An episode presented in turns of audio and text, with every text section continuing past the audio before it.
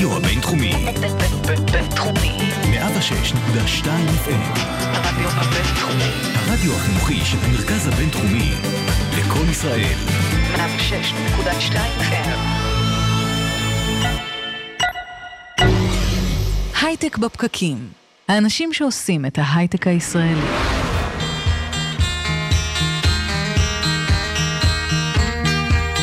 בוקר טוב, יום חמישי, 27 בדצמבר 2018, תוכנית אחרונה בזה 2018, הייטק בפקקים. לא.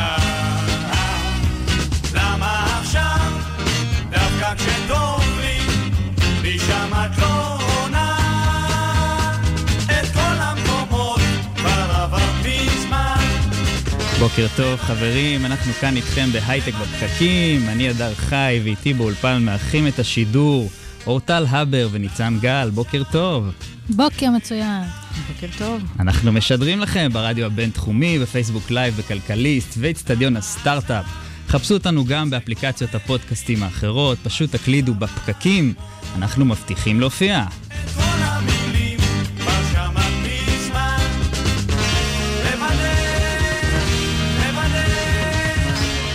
אתם מוזמנים לשלוח לנו שאלות, תגובות והערות בפייסבוק, אנחנו בשידור לייב, רואים ועונים למה שתכתבו. נסכם היום את השנה החולפת בהייטק הישראלי, נדבר על חברות שנסגרו, על החדשנות בעולם האנרגיה והרכב החשמלי, על תחום חדש בחברת אינטל, ועוד. יהיה לנו מעניין היום.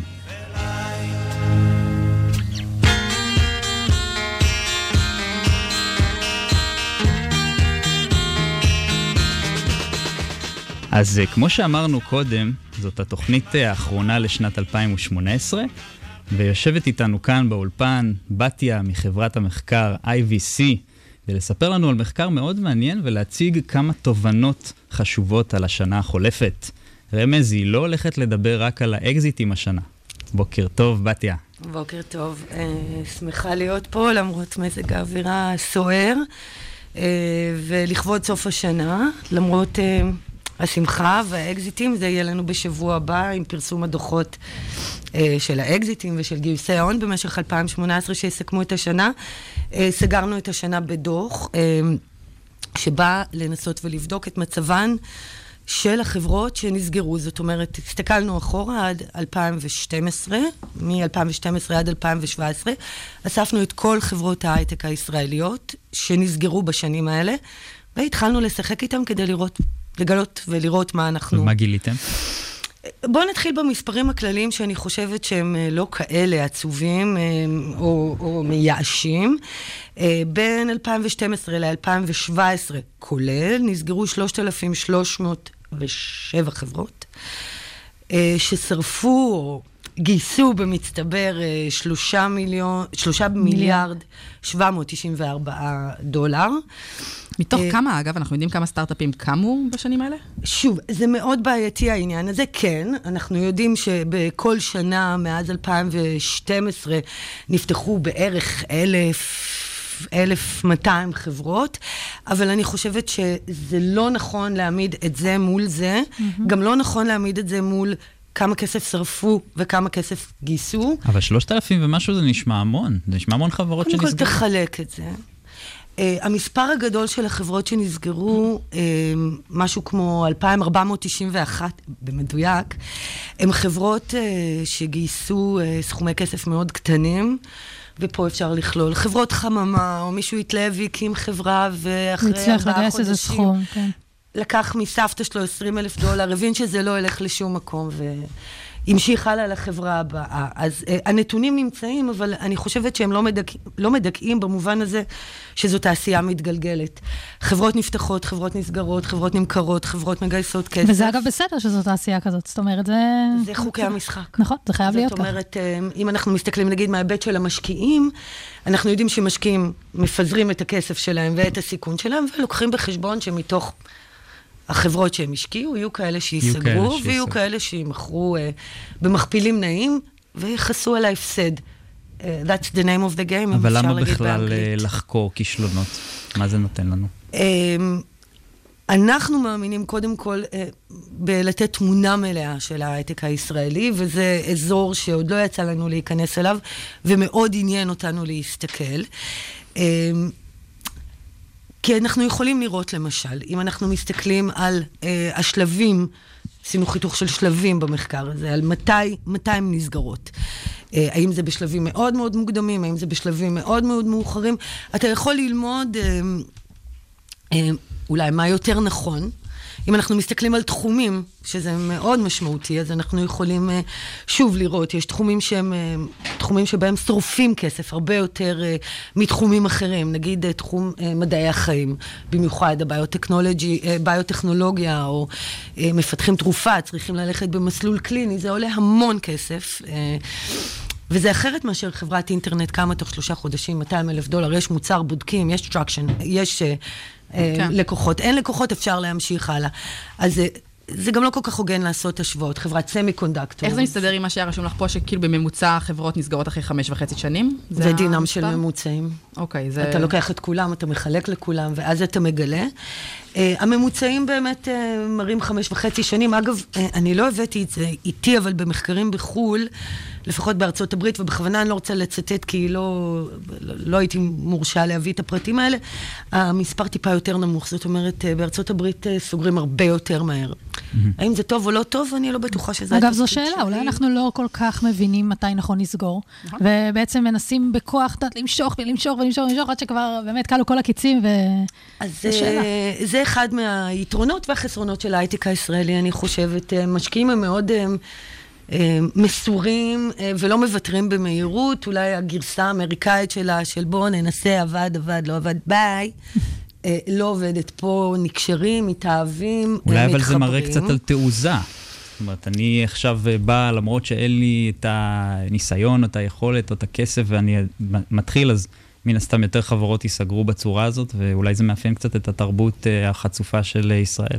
אה, יכול להיות, שמענו מקרים בעבר על חברות שדשדשו, ובסופו של דבר בשנייה האחרונה הפכו את הגרב אה, ויצאו לחיים חדשים, וכן הצליחו, וכן מכרו, וכן לא הפסידו אה, את הכסף שהשקיעו בהם. אתם נכנסים פנימה לחברות כדי לנסות קצת ללמוד יותר מה הוביל למצב הזה שהם נסגרו? לא. אה, אלה מקרים פרטניים, אה, שכמובן במספרים האלה זה מאוד מאוד מסובך, אה, וגם צריך לזכור שמדובר בחברות פרטיות, שבדרך כלל הנתונים הכספיים אינם חשופים לכל. מהניסיון שלנו אנחנו יכולים להגיד שיש הרבה סיבות. מי לא הצליחו לגייס יותר כסף למרות שיש לקוחות ויש חברות, לא הלך. חברות שעלו על איזשהו גל. ו... והגל הזה פשוט אה, נפל והם לא הצליחו, לא הצליחו לגלוש עליו. אה, חברות שפשוט לא מצליחות, לא הצליחו, חשבו על איזה רעיון, אה, ו- ובסופו של דבר לא עלה. מדברים הרבה על אה, 2019, על משברים, על כל מיני דברים בסגנון הזה שאנשים מפחדים מהם. מה ההערכה של IVC לגבי הדבר הזה? אה, אני לא אשתף אתכם בהערכות, כי שבוע הבא, תישארו במתח לשבוע הבא, אנחנו נתחיל היינו צריכים להביא אותם שבוע הבא. את הדוחות, בדיוק. את הדוחות, את הדוחות שמסכמים את 2018. אני חושבת שכל מי שנמצא בתעשייה ועוקב אחריה כמוכם מקרוב, אה, יכול להרגיש שהשנה הייתה שנה קצת של אה, האטה, והחרדות הן כמובן... ולמרות שהיה שיאים בהשקעה, אז יש פה עניין. אה, השיאים, אה, בואו נראה איך תיגמר 2018 מבחינת שיאים, אה, שיאים בהשקעה, אם אנחנו מסתכלים על... אומרים שיש שנת שיא השקעות בהייטק הישראלי, שישה, בין שישה לשבעה מיליארד דולר, אם אני לא טועה. והייתה הערכה שזה הולך לרדת עכשיו. תראו, ה- ה- Q3, אני, אני מדברת במספרים מדויקים, Q3, במקרה יש לי פה פתקה היסטורית. במקרה. אה, Q3 נגמר עם אה, 4.53 מיליארד דולר שגויסו. אה, האם בשלושה חודשים האחרונים אה, הצלחנו לגייס, או חברות ההייטק הישראליות הצליחו לגייס עוד מיליארד או מיליארד וחצי? נצטרך לחכות אה, ולהישאר במתח. אני חושבת שהסכומים הם לא רק העניינים המשמעותיים ששווה להסתכל עליהם, אלא גם מספר החברות שגייסו. לאורך השנה וחצי האחרונות אנחנו רואים שפחות חברות מגייסות סכומים דומים, זאת אומרת שיותר כסף זורם אל החברות, ה... אל החברות היותר בשלות. בואו נראה איך ייגמר QR, אה, Q4. בנוסף למספר הזה של השלושת אלפים חברות שנסגרו, יש עוד דברים שכאילו אתם יכולים ללמוד מהמחקר שיכול לעזור להייטק? משהו שכאילו אנחנו בתור יזמים שווה לשמוע? אה, תראו, אה, אה, איך נגיד, זולל, זוללות ההון, או החברות שגייסו הכי הרבה כסף, זאת אומרת, יותר מ-50 מיליון דולר לפני שנסגרו, הן חברות שכולנו מכירים. יש בהן אחת שמעוותת את כל הנתונים, חשוב להזכיר את זה. Better Place, שנזכרה ב-2013, הייתה יוצאת דופן בכל צורה ומובן, גם כשהוקמה וגם כשנסגרה, שרפה, גייסה 850 מיליון דולר, דיברו על זה, כתבו על זה, היא מאוד מאוד יוצאת דופן. החברות האחרות שגייסו די הרבה כסף, אה, לא גייסו יותר מהכי גדולה, אה, אה, הסכום הכי גדול הוא מתקרב ל-100 מיליון דולר, אה, אה, לא בפרופורציה. תראו, אלה חברות ששמו לעצמם יעד מאוד מאוד שפ- שאפתני. אה, ויצירתי. לא יכול. להיות צריך- שבגלל זה זה כישלונות שנורא אוהבים לדבר עליהם, אה, מודו, Better Place, אה, דברים כאלה, כישלונות מפוארים כאלה שכולם מדברים עליהם, יכול להיות שזה בגלל זה? בהחלט יכול להיות שאוהבים לדבר עליהם, ותמיד אוהבים להסתכל על מי ש... או לטובה או לרעה, שרפו הרבה כסף, חלקו היה כסף ציבורי, חלקו היה כסף פרטי. אני חושבת שגם Better Place וגם מודו ניסו ועשו את מה שהם רוצים. אני לא רוצה לשפוט פה את אף אחד, במקרה דוב מורן אני מכירה אה, את היזם, שכחתי את השם שלו עכשיו, אה, לא יצא לי לפגוש באופן אישי אנשים שי עם הרבה... אגסי. בדיוק, ברח לי בבוקר נורא מוקדם. אה, היה להם... ש... הם, הם הגיעו עם, עם לב אה, שלם ושאפתנות. וחזון ענק. אבל צריך גם להגיד שבסוף החבר'ה האלה הם באמת, אפילו, גם יזהר, אגב, שלא איתנו פה היום, הוא כתב על זה שהחברות האלה, עם כל הכבוד לכישלונות שלהם, זה כישלונות שמצד אחד מאוד מאוד הגיוניים מבחינת סכומי הכסף הזה, ל- ליעדים המאוד שאפתניים שהם שמו. בסוף סללו אותנו ל- ל- לגמרי. לחדשנות, Better Place מאוד, אה, זאת אומרת, היא סללה פה דרך חדשה ש- שהרבה מאוד אנשים מתעסקים בה היום. אנחנו הולכים. לדבר על רכבים חשמליים. לגמרי, לא רק דרך חדשה, אלא תשמעו, בחברות האלה עבדו הרבה מאוד אנשים, מאות ואלפי אנשים, נכון. שיצאו חזרה לשוק עם הידע שלהם. חלקם הקימו חברות מעצמם, חלקם המשיכו הלאה בדרכים אחרות. התעשייה לא מתה, אבל חשוב לזכור גם את האלמנט הזה שלה. בתיה, אני מאחל לנו להצליח, להיכשל, העיקר ליהנות מהדרך. תודה רבה אמן. ששיתפת אותנו בתובנות. תודה רבה ושנה טובה לכולם. שנה טובה.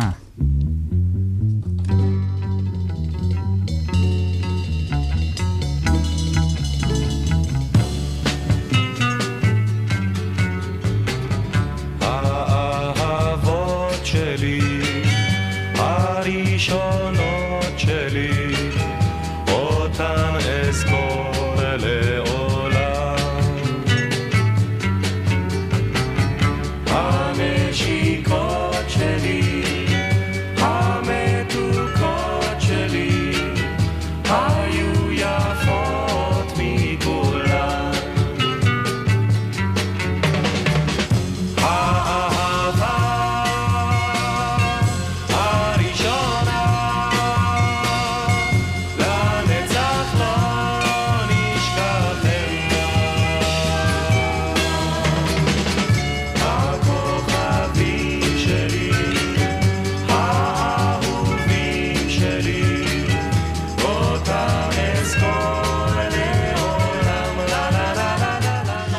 נעשה קצת אה, דמיון מודרך.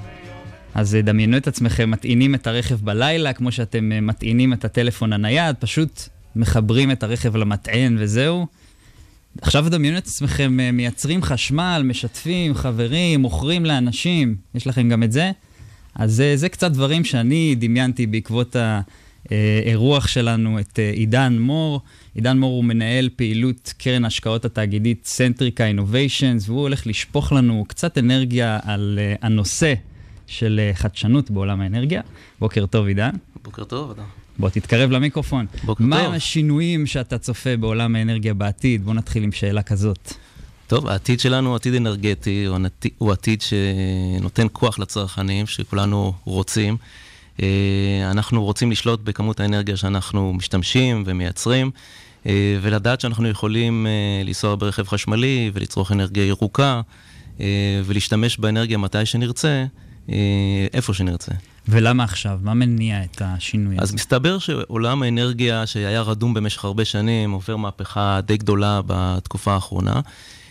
ומייצור שנעשה במקום אחד על ידי תחנות כוח גדולות מאוד, מתחילים לראות ניצנים של ייצור בקצוות הרשת על ידי אה, יצרנים קטנים בטכנולוגיות שונות, אם פעם זה היה פחם ודלק, היום זה אה, גז, רוח אה, וכמובן שמש, אה, וכל הטכנולוגיות האלה מאפשרות לייצר אה, אנרגיה ביעילות הרבה יותר גדולה, בכמויות יותר קטנות, אבל באזורים הרבה יותר מרובים, ולכן צריך הרבה מאוד תיאום של כל היצור המופלא הזה, אה, וכדי להביא אותו למשהו יציב. אנחנו רגילים אה, להדליק את השלטר ושיש אור, אבל מאחורי השלטר הקטן הזה מתחבאים הרבה מאוד שנים של, אה, של ניתוח ושל אמינות ושל חברת חשמל שדואגת שהכל יעבוד כמו שצריך.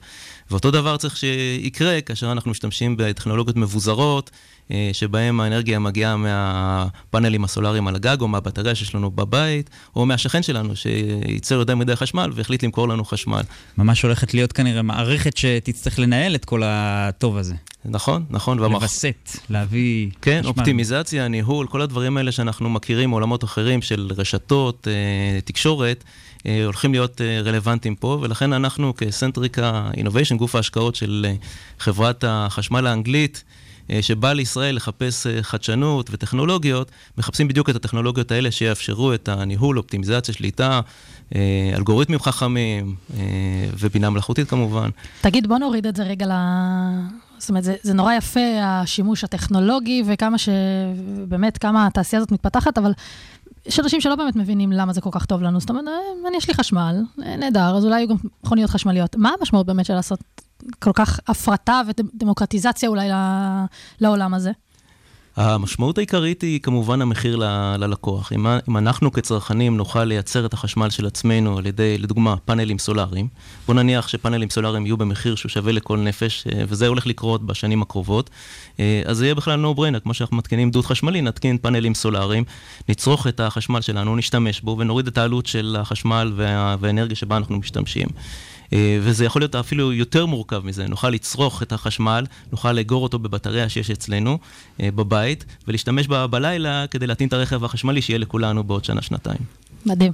אז למה בכלל לעבור לרכב חשמלי? זה גם עניין. כאילו, למה לא לה- להישאר עם הבנזין שלנו? בואו נדבר על זה. ומה מניע את זה דווקא?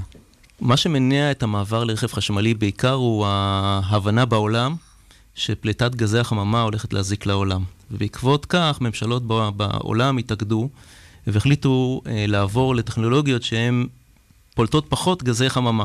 עכשיו, מסתבר שתחבורה היא שליש מצריכת האנרגיה העולמית, ולכן תחבורה, שם אפשר לייצר את אחד האפקטים הגדולים, ורוב המדינות באירופה ובארצות הברית אה, התחייבו לאמנה שתוריד את אה, פליטת גזי החממה, ובין היתר הם הגדירו דברים שיקדמו את נושא הרכב החשמלי, כמו אה, איסור של כניסה של רכבים מזהמים למרכזי הערים. אה, הרכב רכבים של אה, אחוז מסוים שיהיה רכב חשמלי מתוך סך כל הרכבים. עכשיו, מדינות שהתקדמו עם זה יפה מאוד, כמו נורבגיה, הגיעו לכדי אה, חדירה מאוד גבוהה של רכבים חשמליים, ושם היום אם אתה קונה רכב חדש, 50% שהוא יהיה רכב חשמלי. וואו, זה מאוד שונה מהיום. ודיברנו על Better Place, שבעצם על הכישלון שהיה לה, ויכול להיות שזה לא היה הטיימינג הנכון, ועכשיו זה כן, ומה גרם לזה להיות הטיימינג הנכון אולי? Better Place אכן הוא אה, חלוצים שהקדימו את זמנם, אה, ואני קורא לזה כישלון מפואר, כי בעצם הם פתרו את הבעיה המוקדם מדי, ואנחנו יודעים שסטארט-אפים כדי להצליח צריכים הרבה מאוד גורמים סביבתיים שיקרו ביחד. ואחד הדברים שקורים היום, ש, שלא היו ל Better Place, זה הטווח של, ה, של השימוש ב, בסוללות. אם אצל Better Place השימוש בבטריה היה ל-100 קילומטר, היום כבר מגיעים ל-300 ו-400 קילומטר ברכבים. ממש כמו עם בנזין, רכב אה, טנק. נכון, נכון, ואם חושבים על זה היום, מי מאיתנו משתמש ביותר מ-400 קילומטר ליום או 300 קילומטר ליום, ובעצם, אה, כמו שאמרת בפתיחה, אה, אנחנו נתחיל להשתמש ברכב החשמלי כמו הטלפון שלנו, נטעין אותו בלילה ונשתמש בו ביום, ולא נצטרך יותר מזה. אולי בעצם תחנות הדלק יהפכו לחנויות נוחות. אז איפה השוק הזה נמצא היום? זאת אומרת, איפה בעיקר רוב הגיוסים הולכים אה, בס- בסביבה הזאת? אז השוק הזה, מבחינת הרכבים החשמליים, הוא עכשיו נמצא בצמיחה אדירה. כל יצרניות הרכב יש להם דגמים חשמליים, כל uh, תקציבי המחקר והפיתוח מוקדשים לתחום החשמלי. Uh, מדינות נותנות סובסידיות כדי uh, לאפשר חדירה של רכבים חשמליים. אירופה מאוד מתקדמת בתחום הזה, יש פריסה של תחנות uh, ציבוריות ותחנות בבתים, ואנחנו רואים הרבה מאוד טכנולוגיות. אני מדברת ברמה הרחבה של, של אנרגיה. כן. כאילו, שם בעיקר זה מתמקד עכשיו ברכבים חשמליים. כן, כן, okay. ואנחנו כחברת אנרגיה, בסוף מסתכלים על, אה, על, על התחום הזה של רכבים חשמליים ואומרים, רגע, חשמל הולך להיות הדלק של העתיד. אז כדאי מאוד שאנחנו נהיה מעורבים בכל הפעילות החדשנית שקורית בתחום הרכבים החשמליים, אם זה כולל תשתית לטעינה, שזה כמובן חברת החשמל ת- תדאג לזה שזה יקרה, אם זה כולל בהפצה ובניהול של, אה, של תחנות הטעינה עצמם.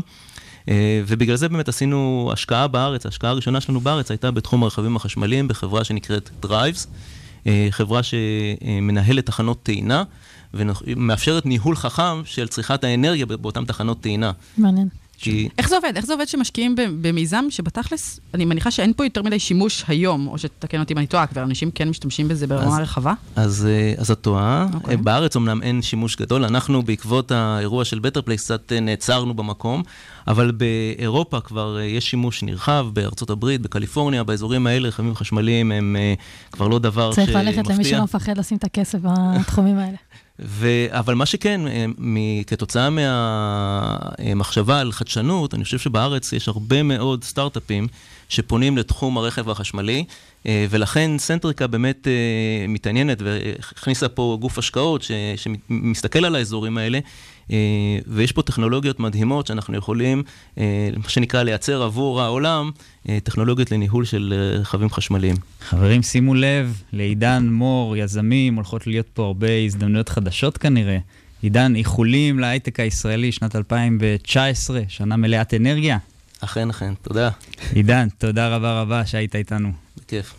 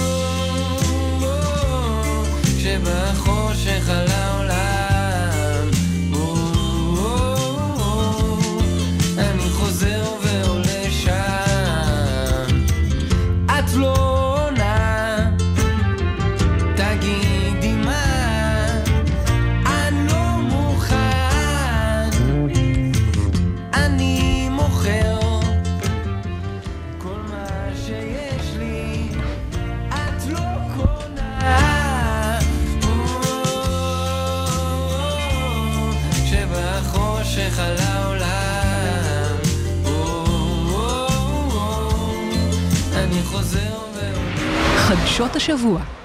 נמצאת איתנו כאן אורטל הבר שכימת. פתאום היא צצה באולפן, היא לא הייתה פה היא לפני. הייתה כל הזמן ושמעו אותה והיא הייתה נהדרת, ועכשיו היא באה לספר לנו על חדשות השבוע. בוקר טוב אורטל. בוקר נפלא. מה חדש השבוע? מה חדש? אז אה, אנחנו הולכים לבחירות, מי שלא שמע, עדיין. מה? או, ולא, ולא נתקל במיליון קמפיינים אה, בפייסבוק וברשתות. אה, אבל בתקופת בחירות, בדרך כלל המשק, בדרך כלל הממשלה, נכנסת לאיזשהו שיתוק בהחלטות שהיא מקבלת, אה, ודווקא שנייה לפני שהיא מתפזרת, אה, ועדת הכספים החליטה לתת מענק מיוחד במסגרת אה, חוק לעידוד השקעות הון לאינטל, שתכף נציגה של, של החברה תהיה פה, בגובה של 700 מיליון שקל. שזה מענק מאוד מאוד משמעותי, כדי להמשיך לפתח את הפעילות שלה, בעיקר את המפעל שלה בקריית גת. אוקיי. עכשיו, הדבר הזה, למה, למה זה כאילו ידיעה ממש אה, חשובה? אחד, אנשים אומרים, רגע, רגע, רגע, תמיד יש את הציניות הזאת של יש חוסר יציבות, והמשק. עכשיו בחירות, עכשיו מה? בחירות, מה אתם זורקים כסף? ל... אז, אז יש את אלה שאומרים, וכמובן שחברות ההייטק הם לא חלק מה... אף פעם אין, אין שום השפעה לגביהם, והן ממשיכות לעשות כסף כרגיל. אבל נשמע כמו דבר חיובי, להשקיע במשק, ליצור מקומות עבודה בדרום. בדיוק, דווקא בגלל, אה, אה, לאור אי היציבות, דווקא לאור העובדה שצריך יותר כסף ממיסים וכולי וכולי, אה, אז הדברים האלה אה, מאוד מעודדים חברות אה, בדיוק כמו אינטל, כדי, כשהן עכשיו אה, אה, בוחרות איפה בדיוק אה, להשקיע, באיזו מדינה, איפה לפתח את הפעילות הבאה שלה, איפה לפ- לפתח את החדשנות הבאה שלה, אז החוק הזה נועד דווקא לעודד את אינטל למשל, להחליט שכן, בישראל מפתחים, בישראל משקיעים עכשיו עוד מיליארדים, בישראל מייצרים עוד מקומות עבודה, ובואו לא נשכח שזה גם מקומות עבודה, במקרה הזה, בפריפריה. אז רגע, בוא נדבר שנייה על הנושא של בחירות ואיך הן משפיעות על אה, השקעות ועל דברים שקורים בממשלה, ואולי גם על ההייטק. זה נושא מעניין. הבחירות לדעתך, מן הסתם, משפיעות. בוודאי שהן משפיעות, אני חושבת שגם הרבה, זאת אומרת, כמו כל דבר, בדיוק כמו שאנחנו רואים את עליות וירידות השערים אה, בבורסה בעקבות מצבים מדיניים כאלה ואחרים, גם פה יש פה בחירות שלא ברור כל כך לאן, אה, מי ישלוט ולאן ילך הכסף ואיך ישתמשו בכסף ולאיזה אינטרסים אה, הוא יהיה מיועד, ולכן אה, יכולות... כשהפוליטיקאים יש להם רק בחירות בראש, אז בדיוק, מעניין. ואנחנו, יש לנו פה משק שלם, תעשייה שלמה, עסקים שצריכים להמשיך להתנהל, הרבה מאוד חברות פרטיות ש... אבל, ומשקיעים שצריכים להחליט איפה בדיוק הם שמים את הכסף. אה, והדבר הזה עלול, עלול מאוד להשפיע על, על, על האם ומתי וכמה כסף אנחנו נראה מושקע ב, ב, גם בתעשייה שלנו. ב- בואו לא נשכח אבל גם את הצד השני, שגם צריך איזשהו גבול לדבר הזה. יש סוג נכון. של אה, מלחמ... מלחמת הטבות מס בין מדינות, על מי תיתן הטבות גדולות יותר למדינות הגדולות בשביל שיפתחו מרכזי השקעה אצלהם. ו-700 מיליון שקל זה, זה, בואו, תקציב המדינה הוא לזיכרוני 360 מיליארד, אז 700 מיליון שקל זה המון המון זה המון המון כסף. כסף, זה נכון. אז זה שזה יחזיר את עצמו, אוקיי, תוך כמה זמן? אבל צריך לזכור גם ש... בסדר, 700 מיליון שקל זה המון כסף מתקציב המדינה. אינטל, מהצד השני, מתחייבת להשקיע 17 מיליארד בפיתוח. זאת אומרת, היא, יש פה הרבה מאוד התחייבויות שלה, גם מבחינת ייצור מקומות העבודה, גם מבחינת כמה כסף היא הולכת להשקיע. כ- כמה רכש, למשל, היא הולכת ל- לבצע מספקים מקומיים. 2 מיליארד שקל היא הולכת אה, לפחות, זה הרכש שהיא הולכת... זאת אומרת, ממש, אה, הוא, הוא חייב להיות מתוך האוכלוסייה המקומית. ועדיין, מהצד השני, באופן אופטימי, אה, לא מכספי משלמי המיסים. כאילו, זה ביזנס אמור אני להתנהל אזכיר לך, בצורה עצמאית. אתה צודק, ואני אזכיר לך אבל שכשהיה אקזיט של אה, Mobileye, שכל הזמן דיברו עליו, וזה, הוא היה, היה עודף מאוד גדול בהכנסות אה, ממיסים. נכון. מה שאפשר ל- בסוף דווקא לציבור הרחב מאוד ליהנות מזה. נכון. לקבל החזרים, ברור. לקבל הפחתות מס. ו... לגמרי. מעניין מה יקרה אם היו שופכים את כל הכסף הזה דווקא על סטארט-אפים חדשים. הופה. זה... תשמעי, אני לא יודעת איזה התחייבויות סטארט-אפים יכולים, את יודעת, אינטל... בוא נחשוב על זה שנייה. זה, זה, זה שאלה מעניינת. עם מי צריך לדבר האמת פה? שנראה לי שהידיעה הבאה היא על התחייבויות של. סטארט-אפים. אוקיי, אז זה מעניין. אז הידיעה הבאה היא אה, עשויה להישמע כמו איזו רכילות אה, זולה וצהובה, אה, אבל זה דווקא משהו שאנחנו לא שומעים, ב, בטח לא בכותרות הרבה, ואנחנו מדברים פה על יזם מהסיליקון וואלי שרימה משקיעים, ממש רימה ברמה הפלילית, ונכלא בגלל הדבר הזה. אז אנחנו מכירים כולם את הבדיחות הנפוצות על האקו-סיסטם ועל יכולות התיאור הציוריות שלנו, היזמים, אה, על המצב המופלא שלנו והמציאות הוורודה וכולי. יזמים יודעים לייפות את המציאות ולהעלות פוסט. יפה ב-Facebook. ונשאלת השאלה איפה באמת עובר הגבול. אז אה, יזם בשם רנטו ליבריץ, שהוא אמריקאי ממוצא קרואטי, אה, כאמור, הוא נשלח לפני כמה ימים לכלא, בעוון הונאה מכוונת לאורך זמן. מה עשה הבחור? אה, נפגש עם משקיעים והיה לו, לו רעיון אה, די, די בנאלי, marketplace ל-gift cards. עכשיו, זו תעשייה מאוד מאוד מאוד אה, בולטת, זאת אומרת, היא ענפה מצד אחד, מצד שני שולי הרווח מאוד מאוד צרים, והמשקיעים אמרו, טוב, בוא תראה שאתה יודע לעשות משהו, תן הכנסות, תן, זאת אומרת, זה לא, לא בעיה לייצר. הוא לא הצליח לעשות את הדבר הזה, ואז הוא התחיל להמציא סיפורים. ראשון, ריצ'רד ברנסון הוא המנטור שלי, בזכותו אני עברתי לסיליקון וואלי, והחזון שלי כל כך גדול לדעתו, שהייתי חייב לעשות את זה דווקא פה. וואו. זה הדבר הראשון. אוקיי, מה עוד הוא המציא? הוא המציא, אה, יש הצעות רכישה, כמובן, לחברה שלי, רוצים על ההתחלה כבר לשלם לי בין 90 ל-120 מיליון דולר אה, על החברה, אה, ועד כאן, לא, זאת אומרת, מאוד מנופח, אבל לא פלילי בהכרח, נכון? זאת אומרת, אה, אין, אין, לזה- ה- אין יש בהכרח איזו עילה. פלילית. אה, הוא לא, לא עשה שום דבר שהוא מעבר לנסות. לייצר איזו תמונה. בסדר, אוקיי, שיקר, ומה? ומבקש מאנשים כסף, וסך הכל על, על בסיס עובדות שקריות, זה נראה לי משהו השאלה שהוא אם מלוכלך צריך. להבדיל אבל בין הדברים שהם שקר לבין הדברים שהם... אה, היפוי המציאות, קצת- ולא יודעים כל כך את העובדות האלה. אבל נראה לי שכשאומרים לו, ש- שהוא אומר שיש הצעת רכישה, אז זה משהו שהוא עובדתי, וזה משהו שהוא לא יכול, זה, אין, זה שחור או לבן. יש נכון. הצעה או אין הצעה, יש טרם, כאילו, עכשיו, מסתבר שכנראה שהוא פשוט העריך את השווי של, אתה יודע, של, של החברה שלו, וניסה ניסה ככה להרים לעצמו מול המשקיעים, וכך, ואפילו מימן כתבה בפורבס, הצליח לממן כתבה מאוד מפרגנת והראה אותה למשקיעים. אה, אבל אז הוא נכנס למערבולת גדולה מדי. ולקראת איזושהי פגישה שהתקדמה מאוד ברצינות, הוא היה צריך, אה, טוב, חבר, איפה ה... הצ- אמרת? הצעות, נכון? אז הוא זייף. אה, מסמך של הצעת רכישה בשווי של 150 מיליון דולר, אם אני לא טועה. אה, וכשביקשו ממנו עוד מסמכים, הדירקטוריון, הוא המשיך לזייף עוד מסמכים, והצליח לגייס סיד של מיליון וחצי דולר. אה, אוקיי, מיליון דולר. אוקיי. ואז מה קרה? אמ, ואז, אה, אתה יודע, בסוף אה, אנחנו מדברים פה על בן אדם שלא באמת, אה, זאת אומרת, לא, היית- לא היה הרבה בשר, ב, לא בחברה, לא בחזון, לא ב, כנראה לא ביכולות של הבן אדם, אז החברה לא הצליחה, לא הצליחה באיזה להראות שום נקודה דבר. עלו על זה שהוא... בגלל שהוא לא? הצליח, זאת אומרת, עבר קצת זמן, עברו כמה חודשים, החברה לא הצליחה להגיע לשום מיילסטון משמעותי, שום התקדמות באמת מהותית, ואז התחילו לחשוב, רגע, חבר'ה, נראה שיש פה משהו לא בסדר, ולחקור הרבה יותר לעומק, ואז גילו שבעצם הייתה פה. מרמה משמעותית.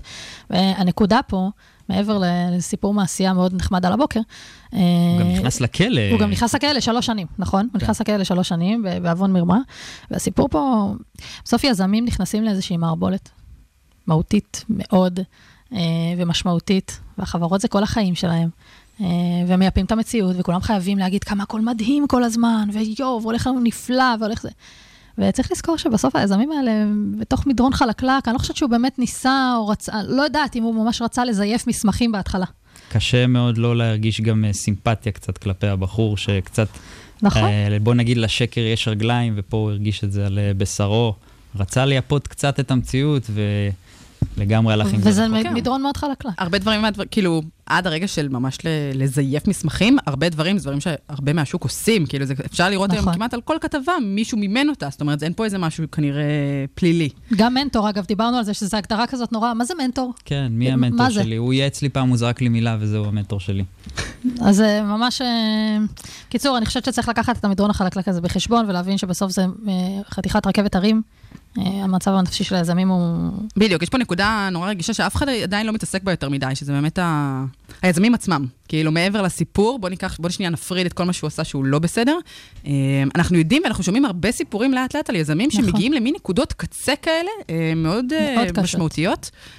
ואנחנו, כאילו, בתכלס, אין אף אחד היום שמשגיח על יזמים, שעוקב באיזושהי צורה, אפילו הרמה הכי בסיסית בעולם, כאילו, יזם לצורך העניין. נכון, לחלוטין. לגמרי צריך תמיכה פסיכולוגית. בשביל זה יש חברים. אורטל, תודה על חדשות השבוע המעניינות. תודה לכם. סוף 2018. איך הוא אוהב?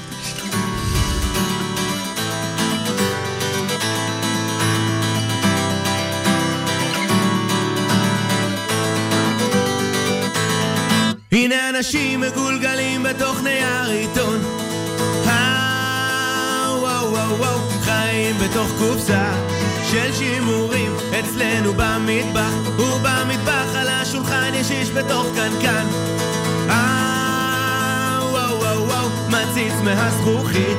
ויום אחד נורא מתוך תותח ובתותח שמקבלים סטירה. אה, וואו וואו וואו,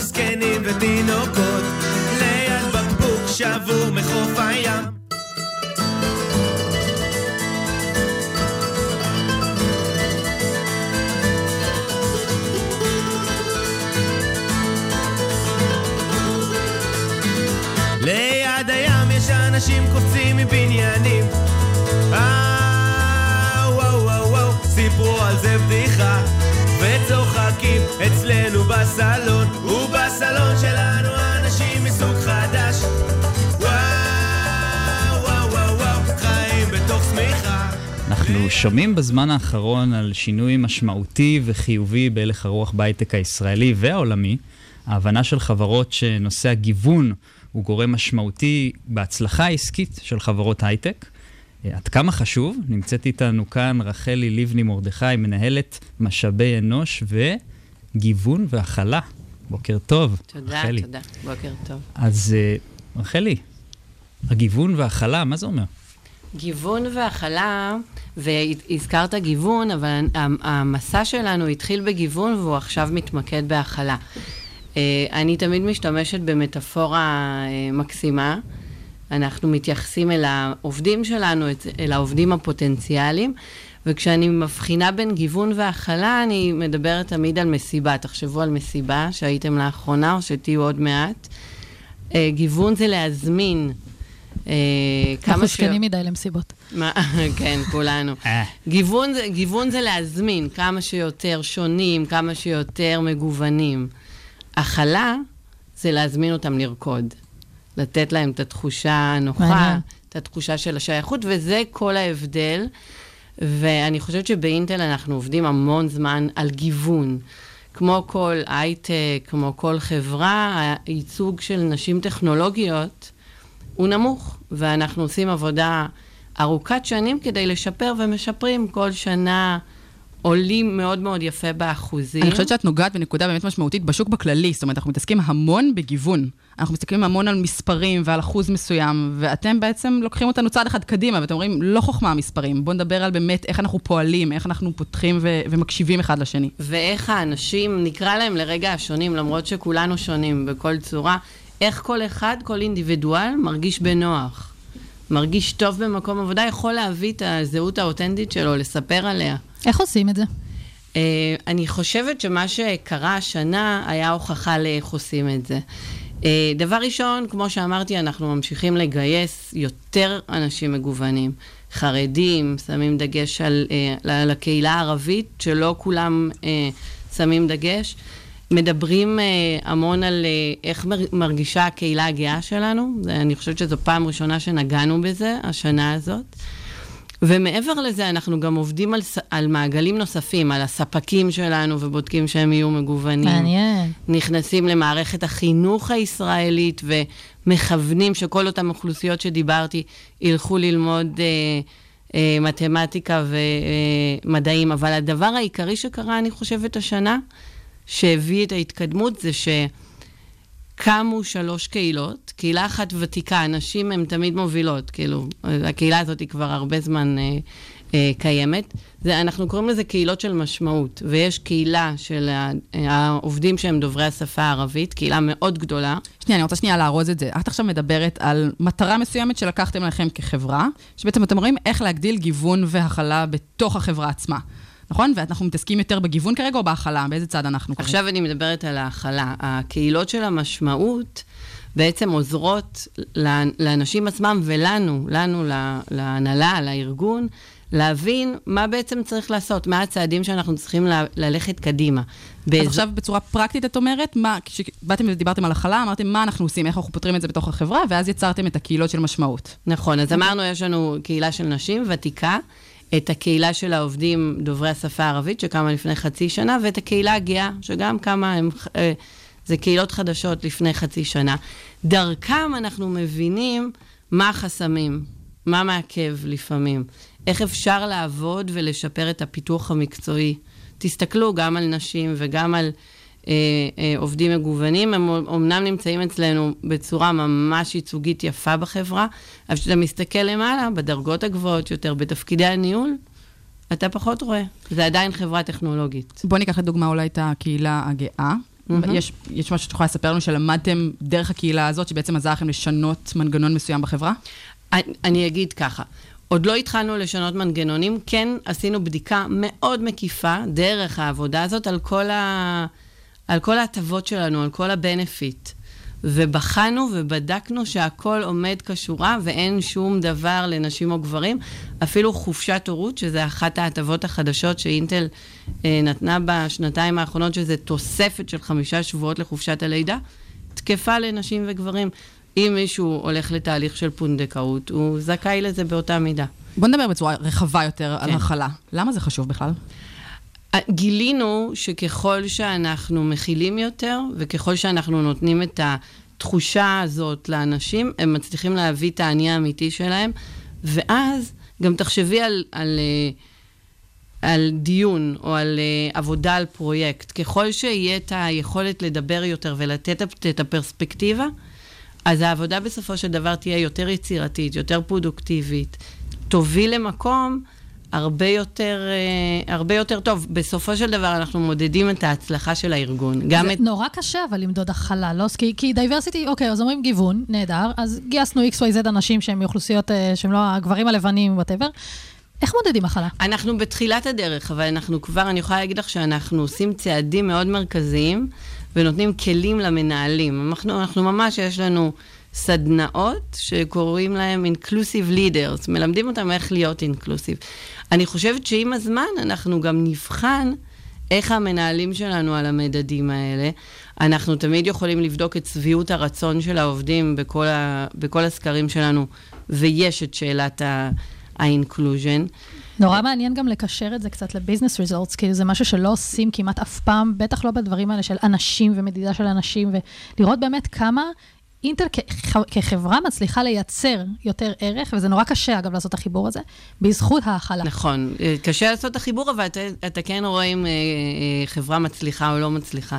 ושמעתי שדיברתם עלינו לפני זה, אז... אה, נכון. תני לנו עוד uh, כלים פרקטיים לחברות נוספות בשוק, או בכללי, כאילו, כל מיני... אני חושבת שמה. שמאוד יפה ב- בהייטק הישראלי, שיש לנו פורום, קבוצה כזו של שולחן עגול, שאנחנו, כל חברות ההייטק המרכזיות, שאנחנו ממש ממש לומדים אחד מהשני, אנחנו מפרים אחד את השני ברעיונות. אה, אנחנו מתחרים על אותו טאלנט, זה חשוב להגיד, אבל אנחנו שמים את זה בצד, ואנחנו אומרים, מעבר או. לזה שאנחנו מתחרים על ה-talent, יש לנו מטרה. סופר חשוב. המטרה שלנו היא זהה, אנחנו מתקדמים קדימה. אז זה גם איזה, איזה קול קורא שלי למי ששומע. לפעמים אתה אומר בחברה קטנה זה לא יקרה, או בסטארט-אפ זה לא יקרה, זה כאילו תלוי בכולנו. אם מישהו ישים לעצמו את היעד הזה ויגיד, אני רוצה להגדיל את המגוון התעסוקתי שלי, ולא שכולם יראו אותו דבר, אז אפשר לנסות ולעשות את זה דרך גיוס, ואחר כך גם דרך להתאמן על איך אתה עוזר לאותם עובדים להרגיש בנוח. רחלי, תודה רבה שהיית איתנו, ובשביל ניצן אני מאחל לך שנת 2019 מגוונת, מצוינת, והצלחה בדרך אמן. החשובה שלכם, ואמן שעוד חברות ילכו בעקבותיכם. תודה רבה. תודה.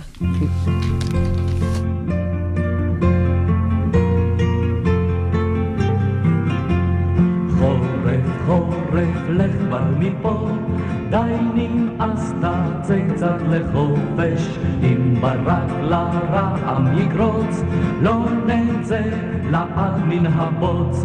תנו לי בחורף שני ימים של אביב, תנו לי בחום רוח של סתיו, אין כמו קצת גשם בקיץ באב, ובכסלו ימים של זהב.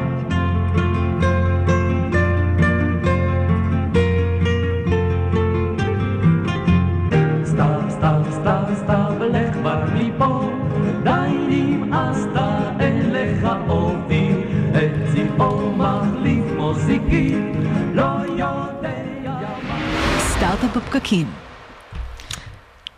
אהלן, איריס. אהלן, ניצן. טוב, אז, אז אני רוצה להציג פה אה, לכולם את אה, איריס צידון, המנכ"לית והמייסדת של אוקאפי.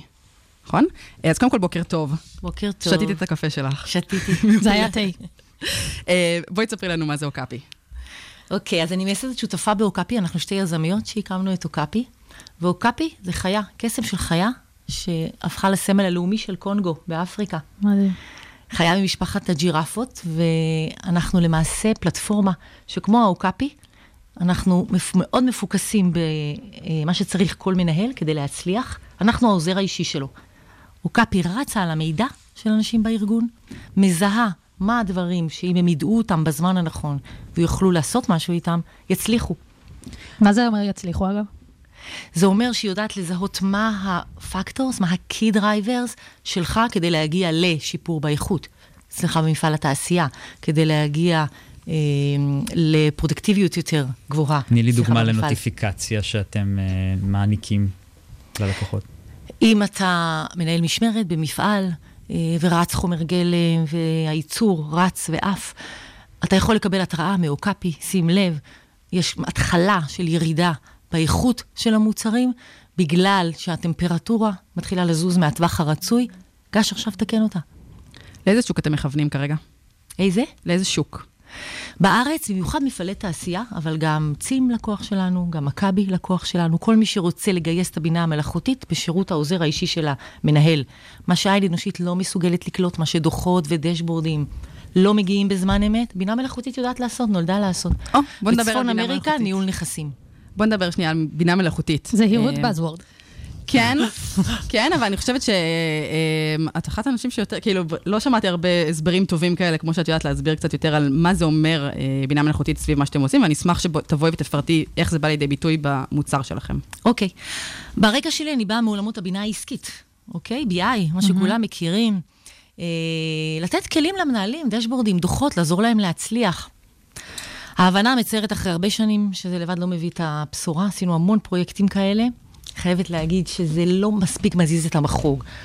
בינה מלאכותית, מה שהיא יודעת לעשות, היא יודעת פעם אחת, בלי צורך של עבודת פרויקטלית ארוכת טווח, לעשות modeling, להגיד למערכות מה ה-driverים, לבנות מראש את הדוחות כדי שאני אוכל לשחק איתם. בינה מלאכותית יודעת ללמוד בעצמה את ההתנהגות הנורמלית. היא מזהה בדיוק איך נראים המאפיינים של התוצר המוצלח, והיא יודעת כל הזמן ללמוד את זה. יכול להיות שעכשיו, ברבעון הזה, הדברים הכי משמעותיים, אה, לא יודעת, על הרייטינג שלכם זה מזג האוויר, אולי בחוץ שאין לכם השפעה עליו, אבל אולי אה, בדיחות שאתם מכניסים, אולי שירים שאתם מביאים, אולי היא לומדת מה עכשיו עובד הכי טוב ומביא את האנשים, ונותנת לכם סימ- סימן, שיר, בדיחה. בודקת כל הזמן. ורואה. אהבתי. למה? למה? כי היא לוקחת את ההיסטוריה, לומדת את הרייטינג ואת מה שאתם משפיעים עליו ועושים, ונותנת לכם ב-live. אבל הנה, זו. נקודה חשובה, כי גם בינה מלאכותית צריכה היסטוריה, היא צריכה חתיכת, אה, זאת אומרת, כמות משמעותית של דוגמאות כדי לבוא להגיד, יש פה pattern, ועכשיו אני הרבה יותר טובה מכם. נקודה מצוינת. כשאת מגיעה למפעלי תעשייה, כמות, כמות הדאטה, הדאטה. וכמות המידע שהם מתמודדים איתה, רק מגבירים סנסורים. לכל דבר שזז יש סנסור, לכל חומר גלם, לכל מכונה, לטמפרטורה, למים. ל... הם מוצפים במידע, קוראים לזה צונאמי של מידע. אז נכנסה המהפכה התעשייתית הרביעית, ובבניינים, סמארט בילדינגס, והמזגנים שולחים אותות, כולם מדברים היום. אבל מה עושים עם המידע הזה? לא הרבה. ארגונים אומרים שאני עומדת ואני מספרת שמחקרים מראים שמשתמשים בשלושה אחוז מהמידע, יש אנשים שאומרים לי, את אופטימית. בינה. מלאכותית נולדה לעשות את זה, לרוץ על המידע, לזהות מה באמת הכי משפיע, אמ, ולהתריע לך בזמן אמת, או אפילו לחזות, לחזות, לחזות קדימה. אוקיי, הולך להיות מבול ביום חמישי, אנשים הולכים להיות המון בפקקים, אבל, אחת, שתיים, רק שלוש, לא הדליק רדיאטור. לגמרי. אה, תראי, אני, אני גם מגיע מעולם של data analytics. גם אני הרבה פעמים מוצא את, ה, את הקושי הזה ואת התביעה הזאת במידע של אתה לא בדיוק יודע, עכשיו אין לך, יודע, אין לך כוח או זמן להתעסק בזה ולנבור ב, ולהוציא את ה-insights. ובאמת משהו כזה שאומר לך בזמן אמת מה אתה צריך לעשות עכשיו בשפה הכי פשוטה, יכול לעזור גם לאנליסטים הכי טובים. בדיוק, תחשוב על זה, כמה עוזרים אישיים יש לנו ביום-יום. מה שאני רוצה, גוגל, מה שאני רוצה, אמזון, נטפליקס, יש לנו מלא עוזרים אישיים באזרחות. מה יש לנו בתוך הארגון? בתוך ה... יש uh, מחלקת uh, שעושה אנליז, אנליזות, uh, בונה לך מערכות מידע, ה-CFO בטח עושה דוחות למיניהם, אבל אני, עכשיו, במפעל, מנהלת משמרת, מנהלת בקרת, בקרת איכות, מי עוזר לי ונותן לי את הכלים לעשות מה שאני צריכה לעשות ולתת לי בזמן התראות? בעצם לשם זה נכנס יותר באיטיות. יש מהפכות בעולם הזה, אנחנו מחוברים למהפכה בעולם התעשייתי ולמהפכה של סמארט בילדינגס בעולם הבניינים, אבל אני חושבת שיותר ויותר אנשים יבינו שגם הארגונים יכולים לתת להם את הכלים האלה. אז מה קורה בפועל, אה, אם אנחנו מדברים שנייה באמת על צפון אמריקה, שאמרתם שאתם נמצאים שם יותר בעולם של real estate, אה, איך זה עובד בפועל? זאת אומרת, אני מנהלת נכס מסוים, אני מקבלת התראות לטלפון שלי כל הזמן, כל פעם שמשהו קורה, איך זה עובד, לפי איזה התראות אני מקבלת, לפי מדדים מסוימים? אז אנחנו באמת, כמו שאמרת, עובדים עם מנהלי נכסים. מדובר על אה, ארגונים כמו JBG Smith, 25 מיליון square feet נכסים, או QuadReal, 40 מיליון square feet נכסים. יש להם מנהלי בניינים שמתפעלים, יש להם מלא מלא תפקידים, אחד הוא מנהל הבניין. אה, הם לא אנשים, לא של אקסלים, לא של דוחות. נכנסת. למחשב, יש להם מסכים, אבל זה מאחור החשוך, הם בשטח. מה שיודעת לעשות הבינה המלאכותית עבורם זה לא להציף אותם במידע ולא להציף אותם בהתראות, אלא למצוא מה הדברים המשמעותיים כדי להשיג את המטרות שלהם. בואו ניקח דוגמה קונקרטית. הם רוצים להשיג שביעות רצון לקוחות, זה הדבר העיקרי שהם מתמודדים איתם. אנשים יעברו למשרדים אחרים, יזוזו. מה זה שביעות רצון לקוחות? מוצא את הבינה המלאכותית, הזמן שאתה נותן מענה ללקוחות שלך, כמות הבקשות שהם, בקשות חוזרות שהם פתחו. איך אני סוג הלק- חוזה מי צ'רן, מי הולך לנטוש אותי. מי הולך לנטוש אותי וכולי. ואני בזמן אמת מקבל, זה לקוח פרימיום, הוא פתח בקשה חוזרת בקומה 46 על לייטינג. שלום, בשעה גברת סמית, האחרונה. כאילו יודע לבוא לדפוק לה, על שלום, גברת סמית. בדיוק רציתי לבדוק מה שלומך. בדיוק, ואפילו יותר מזה, אני לא רק אני הדייר שפתח ואז אני מקבל התראה, כי איפה אני אמצא את זה בים הזה שאני מסתובב, אלא אפילו ברמת ה-IoT, מה שנקרא, אינטרנט Things, כן. המזגן, אוקיי? המזגן, שבדרך כלל הוא על טמפרטורה 24, מראה 24, אבל בחדר זה נהיה כבר 28, משהו לא בסדר גש. אז עקרונית, אבל זה מתאים רק לחברות באמת גדולות, עם הרבה היסטוריה ומידע, או שגם סטארט-אפים יכולים להשתמש בזה בהתחלה? לא. קודם כל, מה שאמרת הוא נכון. כדי שבינה מלאכותית תעבוד טוב ותזהה pattern, היא צריכה הרבה מידע. זה צריך להיות מקומות שיש בהם הרבה מידע. ולכן כשלקוח יגיד, וואו, זו נקודה כואבת לי, אני רוצה לחזות לפני שמכונות מתקלקלות, כי זו עלות מטורפת, שיש אה, תקלת שבר, אנחנו אומרים לו, יש לך שם מספיק מידע. כדי שהבינה המלאכותית תמצא את ה-pattern ותדע להתחיל להתריע על הדברים החשובים. ובעולם שהרבה חברות מתעסקות עכשיו ב-AI, איך מצליחים לייצר בידול של חברה אחת למול חברה אחרת? אה, שאלה מצוינת. אחד, אה, כמעט ולא תמצאי חברות ששמות את ה-BI בשביל מצוינות תפעולית בתוך הארגון. בדרך כלל ימצאו יימצאו ב-e-commerce, סחר נכון. לימוד הלקוחות שלך. שתיים, איך אתה הופך את זה להתראה בשפת אנוש, ולא משהו שרק אנליסטים מבינים, ואז הם מתרגמים, ובסוף החודש מספרים מה היה. זה אחד אה, כמה ייחודים שלנו יש אותם. אה, שאת אומרת, לא אנחנו- סתם insights גנריים, אלא משהו שבאמת אנחנו יודעים לה- להנגיש לבן אדם בצורה אולי אפילו actionable. זאת אומרת, ש- בדיוק. לך תעשה, אני לא מבינה כלום באלגוריתם. הניווט של. Waze, והגעתי אליכם מאוד בקלות. היכולת להנגיש את זה לכל אחד מאיתנו בשפה שאני מדברת בו, זה אחד היכולות שאנחנו פיתחנו. איזה מסר יש לך ל- לסוף 2018 שאת רוצה אה, לשדר לאומה? איחור ל-2019 אולי. איזה מסר יש לי? המסר שיש לי זה שיש דברים שאנחנו, המוח האנושי שלנו, העין האנושית שלנו מוגבלת בהם, ואנחנו יכולים לקחת את הבינה המלאכותית ולשים אותה לשירות האנשים ביום-יום. אז אני אומרת, כנסו, שלא תאחרו את הרכבת, כי מי שיעשה את זה, באמת היכולת של אנשים לקחת פעול, לעשות פעולות מונעות ולהצליח יותר, היא יותר חזקה, חבל. לא לפחד מזה, לעוף על זה חזק. לקחנו. הרבה תודה דברים רבה. חיוביים בבינה מלאכותית, איריס צידון, המון תודה. ובתור אה, מי ששם את המוזיקה, תוך כדי אני מקשיב לאוקאפי ואני אומר, יש לי שיר ממש שמתאים, נראה לי שזה החזון שלכם, אז אני שם.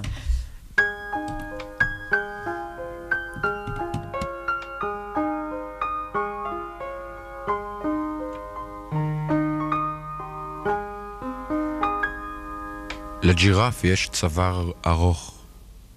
הוא יכול לראות אוטובוס לפני שהוא יוצא, ושמש לפני שהיא זורחת. כל מה שאנחנו רואים, הג'ירף רואה לפנינו. יש לו גם על הפנים מין הבעה, כמה יפה להיות חיה גבוהה. לג'ירף יש צוואר ארוך. הוא רואה עננים בקצה העולם ומכריז, חברים, בעוד חודשיים ירד פה גשם. מגובה של ג'ירף כולנו נראים נמוכים, והבעיות הכי גדולות שלנו הן רק נקודות קטנות בשביל ג'ירף.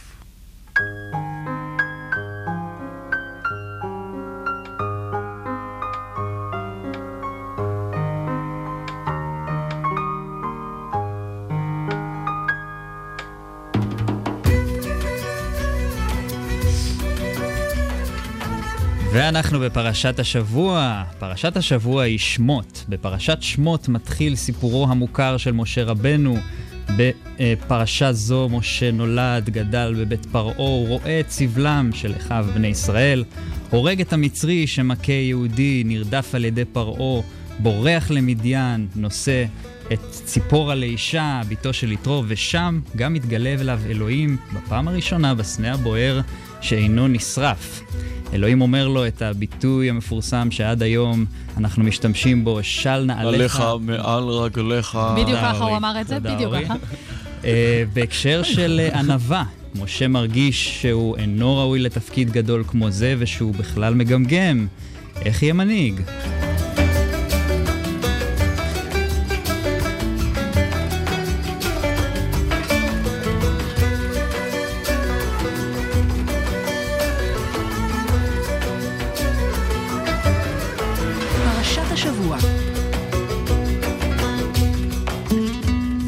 נרוץ כמה אלפי שנים קדימה, לימינו אנו ולנושאים שאנחנו מדברים עליהם כאן, הייטק ויזמות. בואו נדבר רגע על ענווה. וואו וואו. מתי היא נחוצה ומתי היא דווקא מזיקה.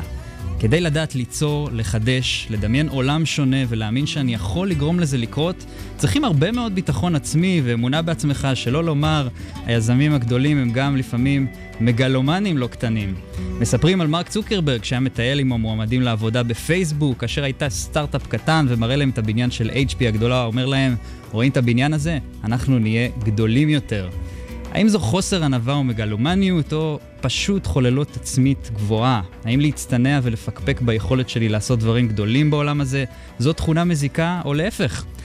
אני חושב שהתשובה היא איפשהו באמצע. מצד אחד אנחנו צריכים את האמונה המלאה בעצמנו, כמו שמשה בסוף האמין בעצמו לאחר שהשתכנע שהוא יכול, כדי ליצור ולחדש, כדי לבנות חזון ולרתום אנשים אליו, וגם לממש אותו. מצד שני, אנחנו חייבים את הענווה. הענווה ללמוד, כי לעולם לא נדע הכל, או אפילו קרוב לזה. הענווה להקשיב לאחרים ולפקפק כל הזמן בתפיסות שלנו, כדי לשפר אותן באופן תדיר. הענווה הזו חשובה להצלחה שלנו לא פחות מהאמונה המלאה שנצליח. אולי יצא לכם לראות את הסרט הסוד ולשמוע על נושא הוויזואליזציה של תרחישים אופטימיים, אם נדמיין את עצמנו מצליחים, נצליח. מאמר שקראתי השבוע אתגר את התפיסה הזו. אם נדמיין את עצמנו מצליחים, אבל נדמיין גם את הקשיים בדרך, את המהמורות, את ההתמודדות, נדמיין אותנו נתקלים בהם ומתגברים עליהן, זה יעזור לנו הרבה יותר. אני מאמין יותר בתפיסה הזו.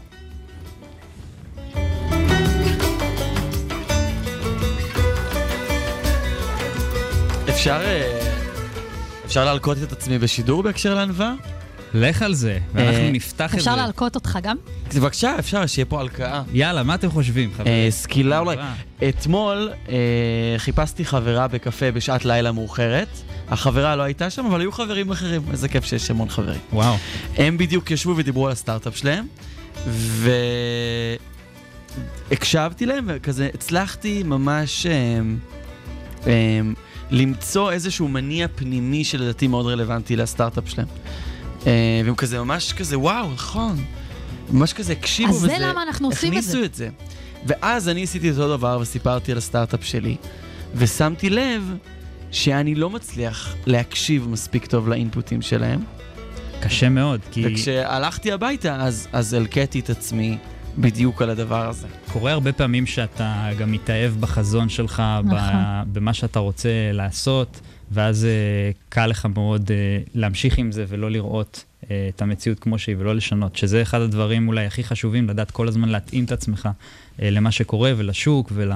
זאת אומרת, את המוצר, או מה שאתה... אני חושבת שיש הבדל, זאת אומרת, ענווה זה דבר מאוד חשוב, אבל... אני לא חושבת שבהכרח, זאת אומרת, יש הבדל משמעותי בין בן אדם שהוא מגלומן, ובכלל לא ענב. ענב? ענב? אני לא יודעת. אתה היום אתגרת אותי בכלל עם המילה הזאת.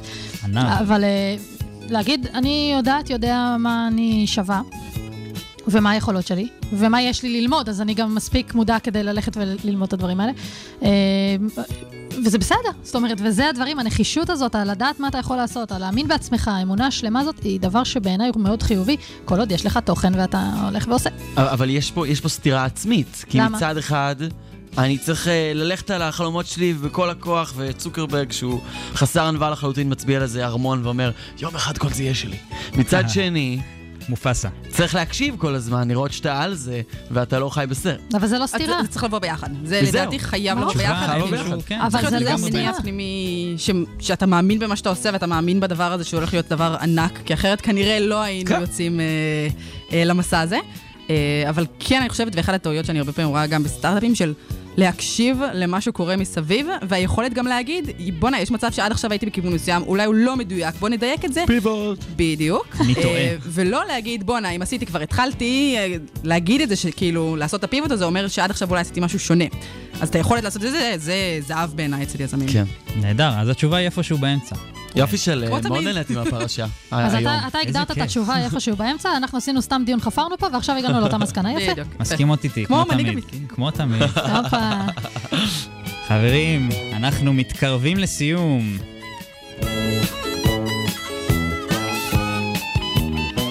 תודה לאורטל הבר וניצן גל שהייתם איתי באולפן והייתם אני לא פה, כאילו. נהדרות. אני לא פה. לא, אתה. לא, לא, אה, רגע, לא, תכף סתם מישהו. אורי טולדנו. אני מגיע אליך. תודה לאורטל הבר על חדשות השבוע. מפיקים את השידור אורטל הבר, ניצן גל וקרין רביב, מפיק הדיגיטל שקד דמבו, המלך, אורי. טרלדנו, מפיק מוזיקלי שלנו, מגיע לו את כל הקרדיט. טולדנו. ובגלל זה הוא האחרון, שומרים את הדברים האחרונים, הטובים, לסוף. תודה לכלכליסט ולרדיו הבינתחומי על שיתוף הפעולה. תודה לכם שהאזנתם לנו בפקקים במשרד או בבית. צאו בזהירות אם עוד לא הגעתם למשרד.